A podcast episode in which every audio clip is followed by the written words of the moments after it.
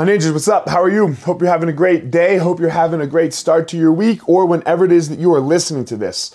Uh, man, you know, our life, it's got, uh, it's got, it's got two wolves in it. You know, it's got the big bad wolf and the good wolf. The question becomes, which wolf are you going to feed? Which wolf are you going to give food to? What's the food for the wolf? It's your time and your energy and your thoughts. For me, that wolf tends to be a lot of my anxiety, right? That, that big bad wolf and, and my insecurities. It's always there. They're always there. They don't go away. It just depends on do I deserve, do I sit down, do I sit there next to the wolf and do I hand it the food? Do I hand it the food so that it keeps coming back and keeps talking to me? Okay? And it keeps just chirping in my ear so that I'm like, yeah, yeah, yeah, that is right. That, that is how I'm going to act. That, that person is doing this. And, and then I get all worked up and I'm like, yeah, well, fuck them. Well, fuck them and fuck you too. Or do I decide to feed this other wolf?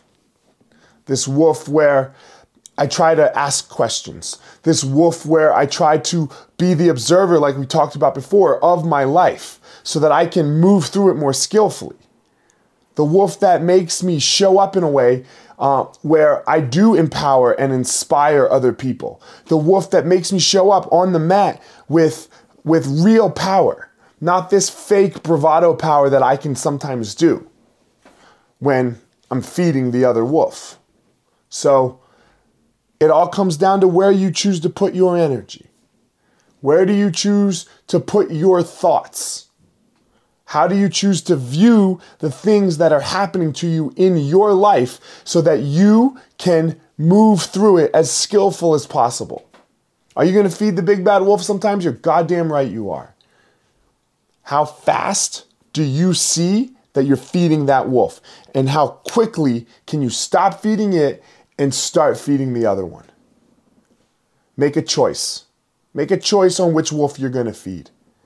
That's where you're going to discover your passion. That's where you're going to find your power. And then you'll be able to give your purpose to the world.